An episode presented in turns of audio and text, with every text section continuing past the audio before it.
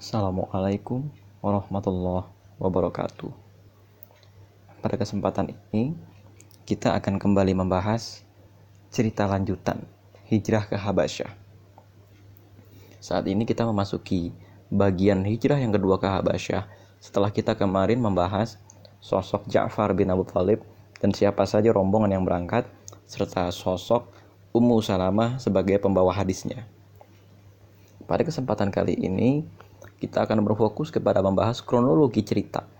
Apa yang terjadi di Habasyah sampai dengan Amr bin As dan Abdullah bin Abi Rabi'ah itu gagal membawa pulang orang-orang muslim yang diterima oleh Najasyi.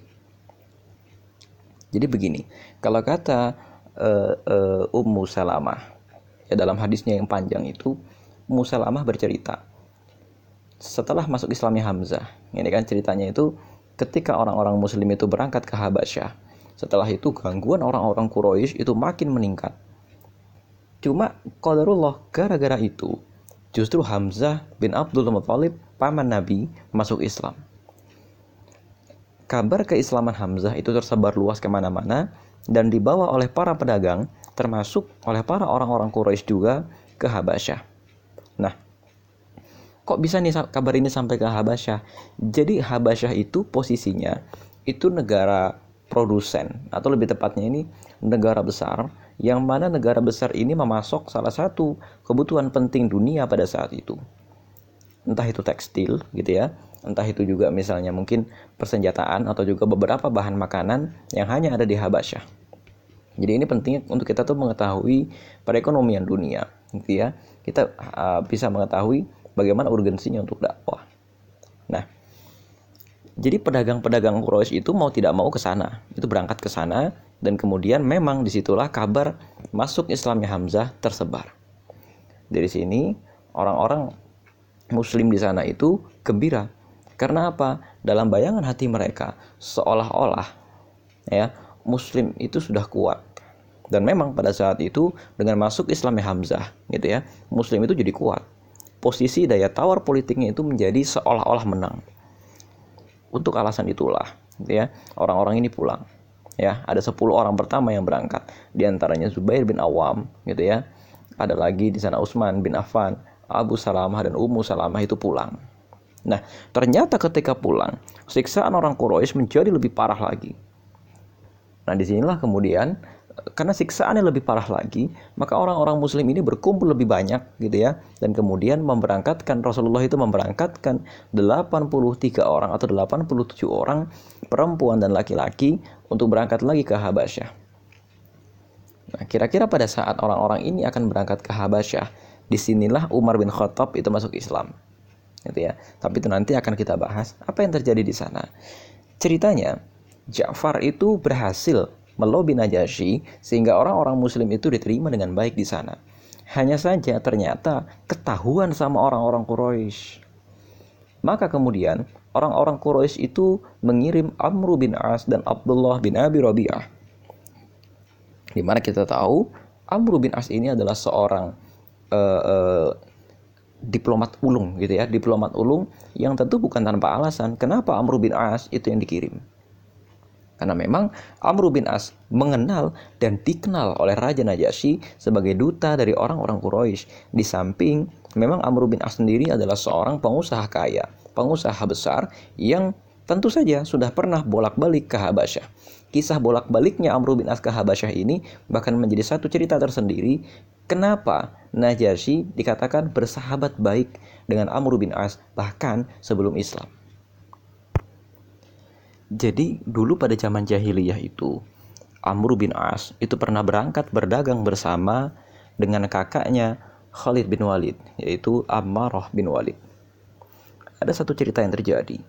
Ammarah bin Walid ini orangnya terlalu tampan tapi nggak cantik. Ini tampannya luar biasa sehingga sampai ada satu peribahasa jagalah istrimu dari Ammarah bin Walid. Karena Ammarah bin Walid ini betul-betul sangat-sangat tampan. Nah, ketika Amr bin As dan Ammarah bin Walid ini ceritanya berkunjung ke istana Najasyi. Ini wajar karena ini pedagang gitu ya. Maka emang kita itu kalau mau dapat posisi yang mudah berkunjung kepada penguasa, mudah mempengaruhi urusan penguasa dan diterima di istana penguasa bukan sebagai pecundang. Datanglah sebagai seorang pedagang besar. Nah, Amr bin As dan Ammar bin Walid datang dan menginap di istana Najasyi, tapi kemudian terjadi satu masalah. Masalah apa itu? Istri dari Najasyi tertarik dengan Ammarah bin Walid. Sehingga apa? Ammarah bin Walid ini yang mengetahui gerak-gerik perempuan itu mencari celah untuk bisa berzina. Nah, ketika akhirnya kejadian itu terjadi, gitu ya. Amr bin As inilah yang kemudian memberikan jalan tengah dan memberikan penyelesaian dari kasus tersebut. Sehingga Raja Najasyi sangat berterima kasih kepada Amr bin As. Ini makanya kenapa Amr bin As lagi yang dikirim ke Habasyah karena memang Raja Najasyi sudah sangat mengenal Amr bin As dan punya rasa terima kasih. Tapi yang jadi persoalan ternyata kisah pengantar ini tidak menjadi Najasyi itu kehilangan keadilannya. Benarlah firasat atau benarlah nubuah Rasulullah bahwa Najasyi itu raja yang adil. Ya. Raja yang tidak mengenal terima kasih kalau memang terima kasih itu tidak perlu. Kan banyak orang zaman sekarang nih kan hanya lantaran uh, keluarganya atau menantunya menjadi menteri, hanya lantaran mertuanya menjadi menteri, hanya lantaran iparnya ya atau hanya lantaran adik dan kakaknya menjadi pejabat negara. Dia tidak mau mengadili ketika orang-orang ini tersangkut entah itu kasus korupsi penggelapan gitu kan atau bahkan terjadi kasus yang lebih ekstrim yaitu penyalahgunaan wewenang pada saat pemilu. Ini yang jadi persoalan sekarang gitu ya dan obatnya apa? Apakah obatnya hanya sekedar agama? Ternyata obatnya adalah perasaan atau obatnya itu sense of justice gitu ya atau sensitivitas kepada keadilan. Sensitivitas kepada keadilan inilah yang kemudian dipertajam oleh Islam. Dan orang yang mempelajari Islam ya akan mudah menemukan keadilan dan sebaliknya. Orang yang adil akan mudah sekali masuk ke dalam Islam. Karena memang dua hal ini beriringan. Nah, tapi begini sebetulnya. Setelah Amr bin As ini kemudian diutus oleh orang-orang Quraisy orang-orang Quraisy itu menitipkan sejumlah besar hadiah kepada bukan kepada Najasyinya karena mereka tahu Najasyi itu nggak bisa disuap, tapi kepada menteri-menterinya dan kepada para pendeta-pendeta yang ada di sana. Karena kerajaan Najasyi itu adalah kerajaan yang berbasis agama Kristen. Artinya, ibaratnya MUI-nya di sana gitu ya atau pendeta-pendetanya yang ada di sana itu uh, punya andil tersendiri dalam menentukan kebijakan raja. Nah, dibawakanlah hadiah-hadiah gitu ya termasuk di antaranya kulit dan lain-lain ya barang-barang khas kota Mekah dan dari negara-negara lain gitu ya yang jumlahnya sangat besar gitu ya nah dan di sana Amr bin As itu mengatakan kepada menteri-menteri gitu ya dan kepada pendeta-pendetanya sungguh kata Amr bin As telah datang orang-orang bodoh sufaha kata Amru sufaha itu artinya bodoh ke negeri sang raja ke negeri kalian mereka telah menistakan agama kaumnya dan tidak pula mereka masuk ke dalam agama kalian. Justru mereka datang dengan membawa agama baru yang tidak kita kenal. Kami telah diutus oleh kaum kami kepada raja untuk menarik kembali orang-orang tersebut kembali kepada kaumnya. Maka jika kami menyampaikan ini kepada raja, kalian arahkan raja, cerita gitu. Arahkan raja agar mau menyerahkan mereka kepada kami. Artinya, ini ada hadiah gitu ya. Cuma nanti ngomong sama raja, orang-orang itu serahkan kepada kami. Gitu ya. Nah, dan di sini Amr bin As langsung mengatakan agama mereka tuh beda sama agama kalian. Dengan gitu ya menutupi fakta bahwa sesungguhnya agama dia juga beda gitu kan sama agama orang-orang eh, dengan agama orang-orang Habasyah itu juga yaitu agama berhala. Malah sebetulnya perbedaannya lebih banyak dengan agama berhala daripada orang-orang itu. Cuma dengan suapan yang dibawa oleh Amr bin As, beres ini semuanya. Menteri-menterinya dan pendeta-pendetanya rupanya tidak terlalu kredibel. Gitu ya. Rupanya tidak terlalu kredibel sehingga apa? Mereka kemudian menjalankan apa yang disebutkan oleh Amr bin As. Nah, kemudian eh, keesokan harinya forum untuk memanggil orang-orang itu diselenggarakan. Forum untuk memanggil Ja'far bin Abu Thalib dengan 80 orang imigran muslim itu diadakan. Ketika Amr bin As ini ibaratnya ya mengadukan perkara tersebut memohon gitu ya kepada Raja Najasyi dan para pengikut Najasyi atau para pendeta-pendeta dan penasehat Najasyi itu hadir di situ memberikan pertimbangan-pertimbangan dan hampir saja gitu ya orang-orang muslim itu diusir Najasyi mengucapkan satu perkataan yang paling dibenci oleh Abdullah bin Rabi'ah dan Amr bin As apa itu terlebih dahulu Najasyi akan meminta klarifikasi dari orang-orang muslim ini adalah bentuk keadilan. Artinya kesaksian dari kedua belah pihak itu didengarkan. Gitu ya. Kesaksian dari kedua belah pihak itu didengarkan. Atas apa? Atas kejujuran dan keadilan dari Najasyi. Hutang budinya kepada Amr bin As tidak menjadikan dia itu menjadi raja yang lemah sehingga hukum itu bisa dibeli dengan hadiah. Jadi ini keadilan Najasyi itu di sini. Hukum itu tidak bisa dibeli gitu loh. Yang jadi persoalan adalah ketika hukum itu bisa dibeli, secara langsung akan terjadi kezoliman di tengah-tengah masyarakat. Kemudian singkat cerita setelah itu, Najasyi mengundang Ja'far bin Abu Thalib. Dan kemudian menyikapi undangan ini, orang-orang muslim itu bermusyawarah, mereka rapat. Ini gimana nih? Najasyi mengundang kita. Banyak pendapat, satu sama lainnya saling berdebat, itu kata Ummu Salamah dan kemudian akhirnya kata Ummu Salamah kesimpulannya begini. Demi Allah, udah kita sampaikan saja apa adanya yang kita ketahui dan apa yang telah diperintahkan oleh Nabi kepada kita. Nggak usah ditutup-tutupi. Kalau emang ibaratnya begini, tawakal tingkat tinggi. Ya udah kalau diusir tinggal pulang. Kalau emang ternyata untung gitu ya, kalau Allah mengizinkan kita tinggal di sini, udah nggak apa-apa. Karena apa? Kenyataannya sekarang kita sudah bisa menyelamatkan iman kita dari negeri yang kejam Kenapa sekarang di negeri ini kita harus menutup-nutupi siapa kita? Gitu loh. Akhirnya Ja'far bin Abu Thalib maju ya menjadi duta di istana untuk apa? Mengadvokasi nasib orang-orang Islam. Apa yang dikatakan oleh Ja'far bin Abu Thalib? Ha, ini Ja'far bin Abu Thalib bagus sekali menyampaikan kepada kita hadis ini sampai kepada kita mengenai sebetulnya apa fungsi agama. Kenapa kok kita itu harus beragama? Terus kalau kita sudah beragama, apa manfaatnya buat peradaban kita? Apa manfaatnya kita menyembah Allah dan apa bedanya dengan kita yang tidak menyembah Allah?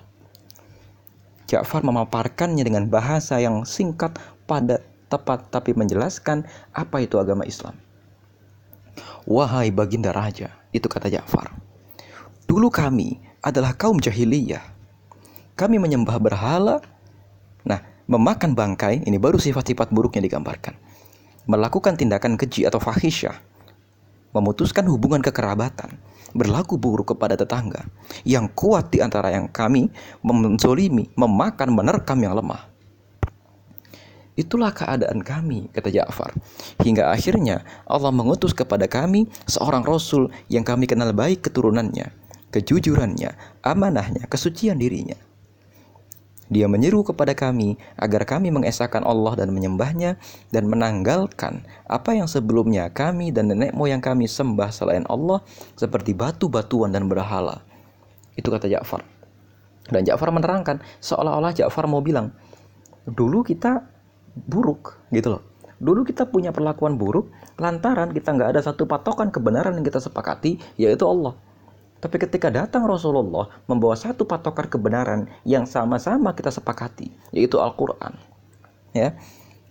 Maka ya, kemudian datang Rasulullah, dia menyuruh kami untuk berkata jujur, menunaikan amanah itu kata Ja'far, menyambung tali kekerabatan, berlaku baik kepada tetangga, menghentikan perbuatan yang haram, menumpahkan darah dan tindakan-tindakan keji yang lain.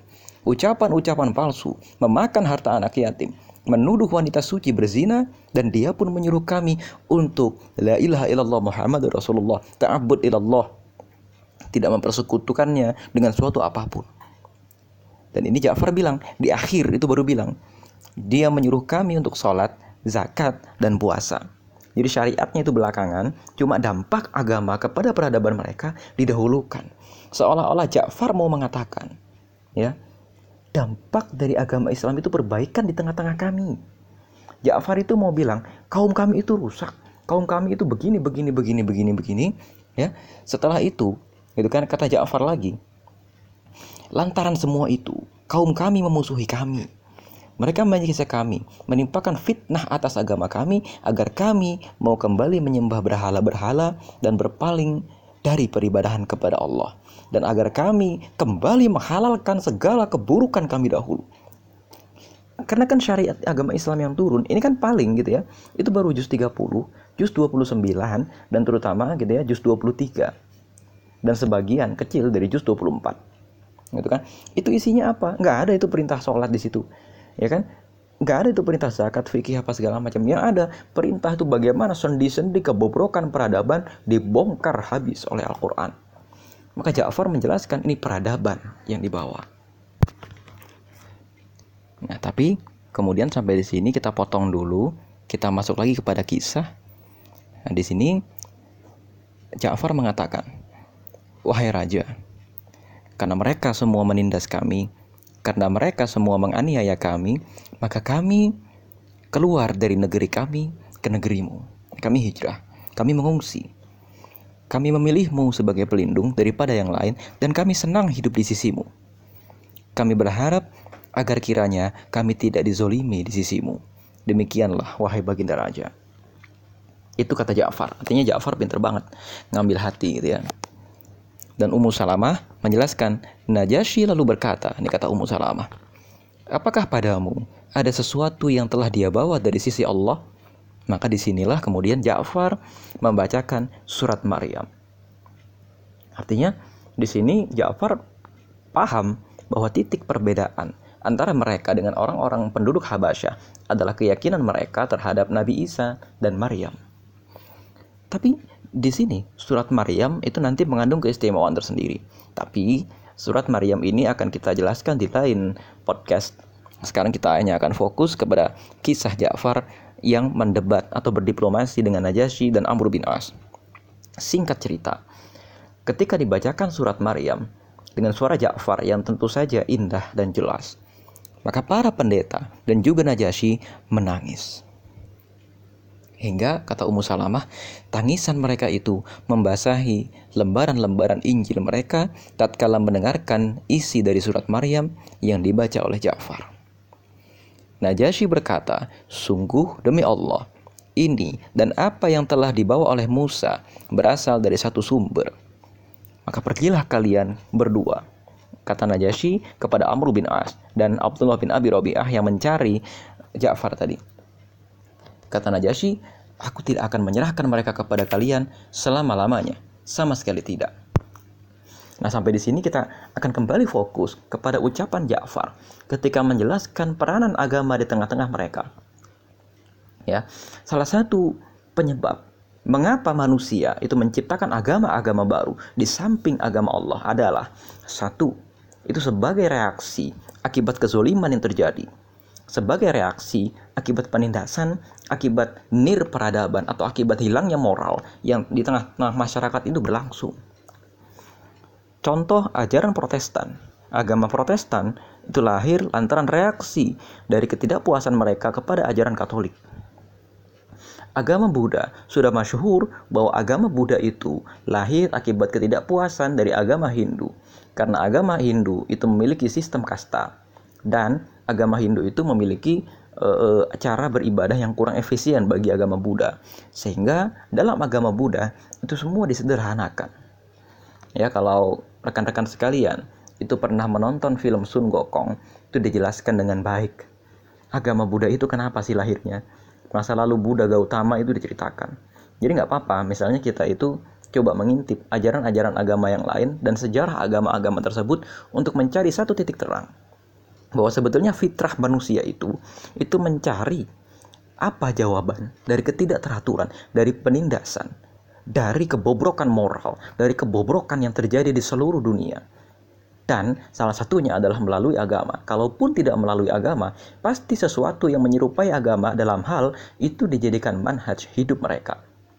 Kalau di dunia modern, ya, kita mengenal ajaran feminisme feminisme ini kan reaksi dari penindasan, ya kan? Seperti yang dikatakan Ja'far, orang yang kuat menindas orang yang lemah.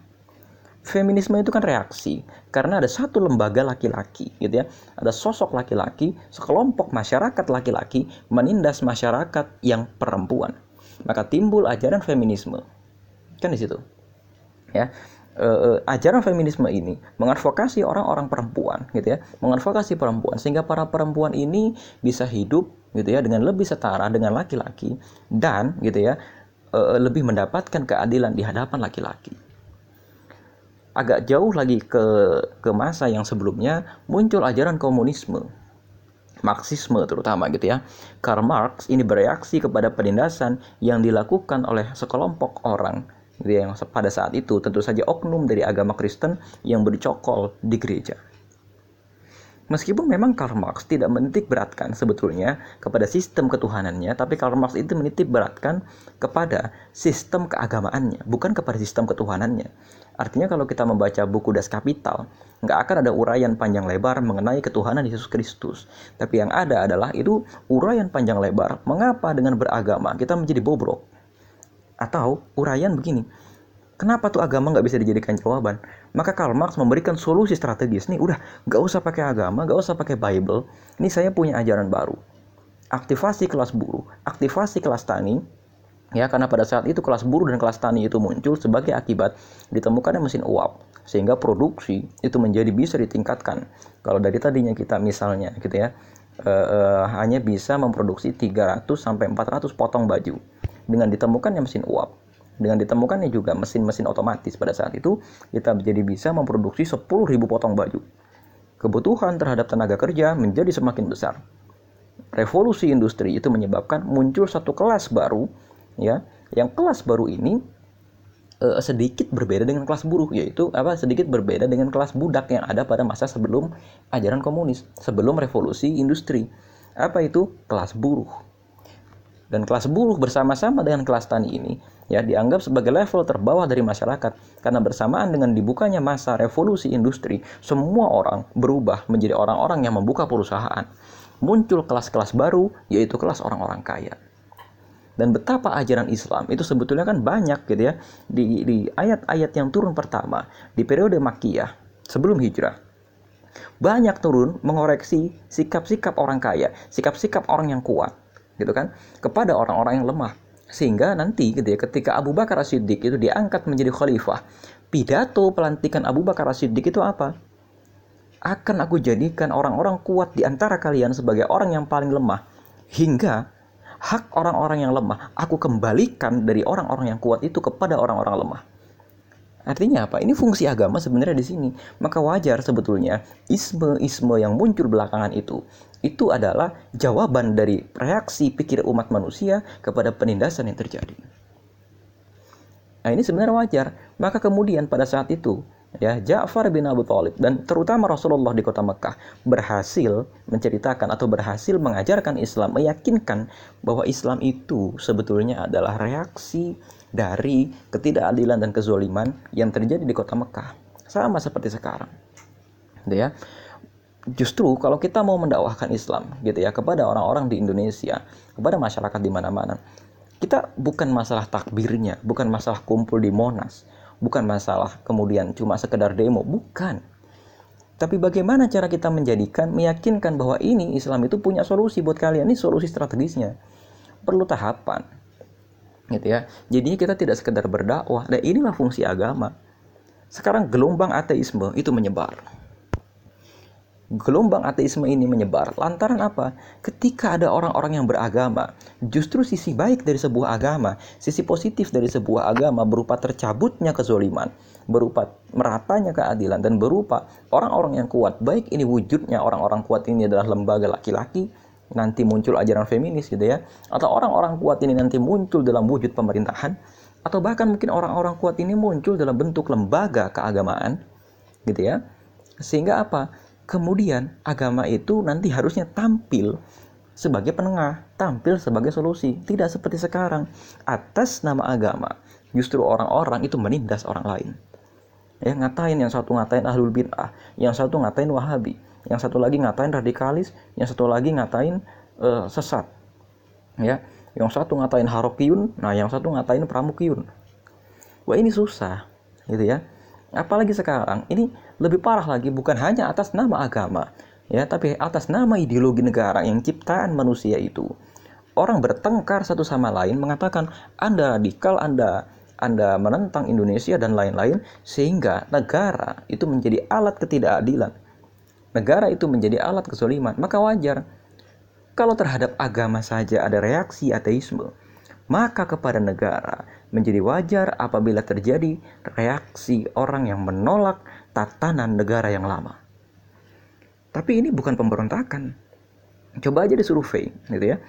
E, e, berapa banyak orang yang sebetulnya masih meyakini negara kita itu masih bisa menjawab segala persoalan terlepas dari isu kisruh pasca pilpres dan lain-lain tanpa perlu kita tanpa tanpa perlu kita melihat siapa calon presiden ya kita lihat saja bagaimana cara berjalannya negara ini coba disurvei ini menarik karena ternyata dengan ditinggikannya dasar negara kita dimuliakannya dasar negara kita di desak ibaratnya gini diresakralisasi atau disucikan ulangnya ideologi negara kita ternyata penindasan, ketidakadilan, dan penjajahan malah semakin terjadi atas nama Pancasila. Atas nama dasar negara, justru penjajahan menjadi legal. Dulu Hindia Belanda itu, itu punya dasar negara. Tapi atas nama dasar negara itu, Hindia Belanda punya legalitas untuk menjajah. Tapi di saat yang sama, Inggris yang juga menjajah dengan dasar negaranya.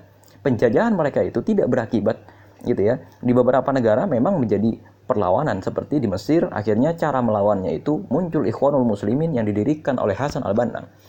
Tapi hari ini di banyak negara muncul persemakmuran Inggris.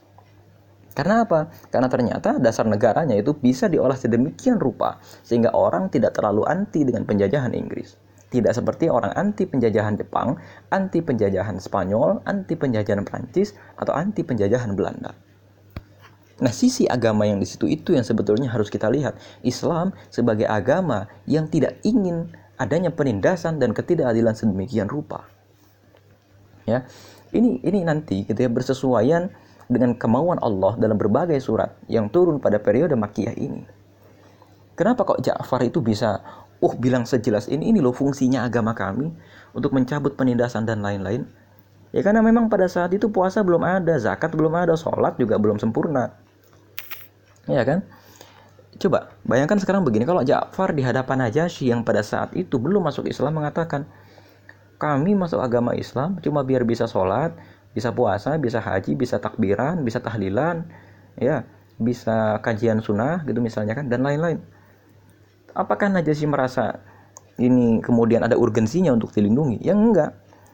Ya kan? Wajar akhirnya Najasyi atau simbol dari pemerintah pada saat itu akhirnya mau melindungi orang-orang Islam karena Najasyi dengan sisi keadilannya tahu ini agama memang tawarannya adalah tawaran keadilan. Nah sekarang dengan banyaknya kajian, ternyata kita tidak mampu menjadikan Islam itu tampak sebagai tawaran keadilan. Tampak sebagai tawaran persatuan, tampak sebagai tawaran kenegaraan yang bisa menjadi solusi. Dari kisah hijrah ke, Habasyah ini, Ja'far menunjukkan kita sesuatu yang itu sebetulnya maksudnya. Ya Allah alam bisawab. Ya kira-kira itu yang pada hari ini bisa kita bahas lebih lanjut mengenai fungsi agama dan gelombang ateisme itu kenapa terjadi dan lain-lain. Fungsinya kita belajar sirah itu itu. Ya, jadi biar kita itu tidak terlalu ekstrim. Allah alam bisawab. Assalamualaikum warahmatullahi wabarakatuh.